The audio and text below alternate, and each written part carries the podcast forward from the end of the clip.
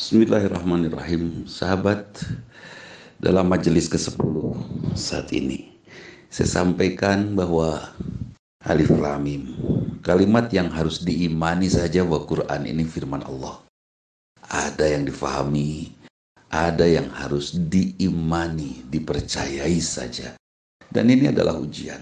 Dalikal kitab Al-Quran ini La roiba Tidak ada keraguan Siapa yang tidak ragu terhadap Al-Quran, yang tidak ragu terhadap Al-Quran hanya orang-orang yang bertakwa. Karena itu orang-orang yang merindukan Allah, orang yang takut mendapatkan murka dari Allah SWT, dialah orang-orang bertakwa.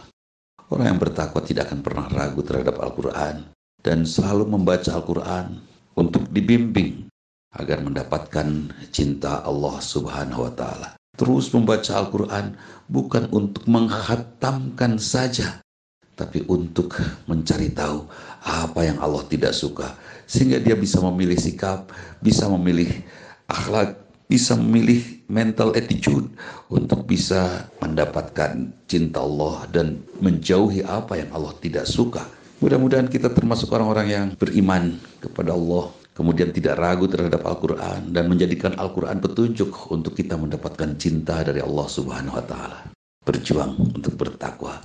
COVID-19 harusnya membuat kita semakin kuat memperjuangkan ketakwaan kita untuk terus berhati-hati agar Allah tidak murka kepada kita. Dan kepada sahabat yang saat ini masih terus bekerja keras dari kalangan farmasi, kemudian para medis, rumah sakit itu sendiri, manajemen rumah sakit itu sendiri. Mudah-mudahan bantuan Allah segera datang. Allah beri kepada kita dan semua yang sudah pulang mudah-mudahan dihitung sebagai syuhada.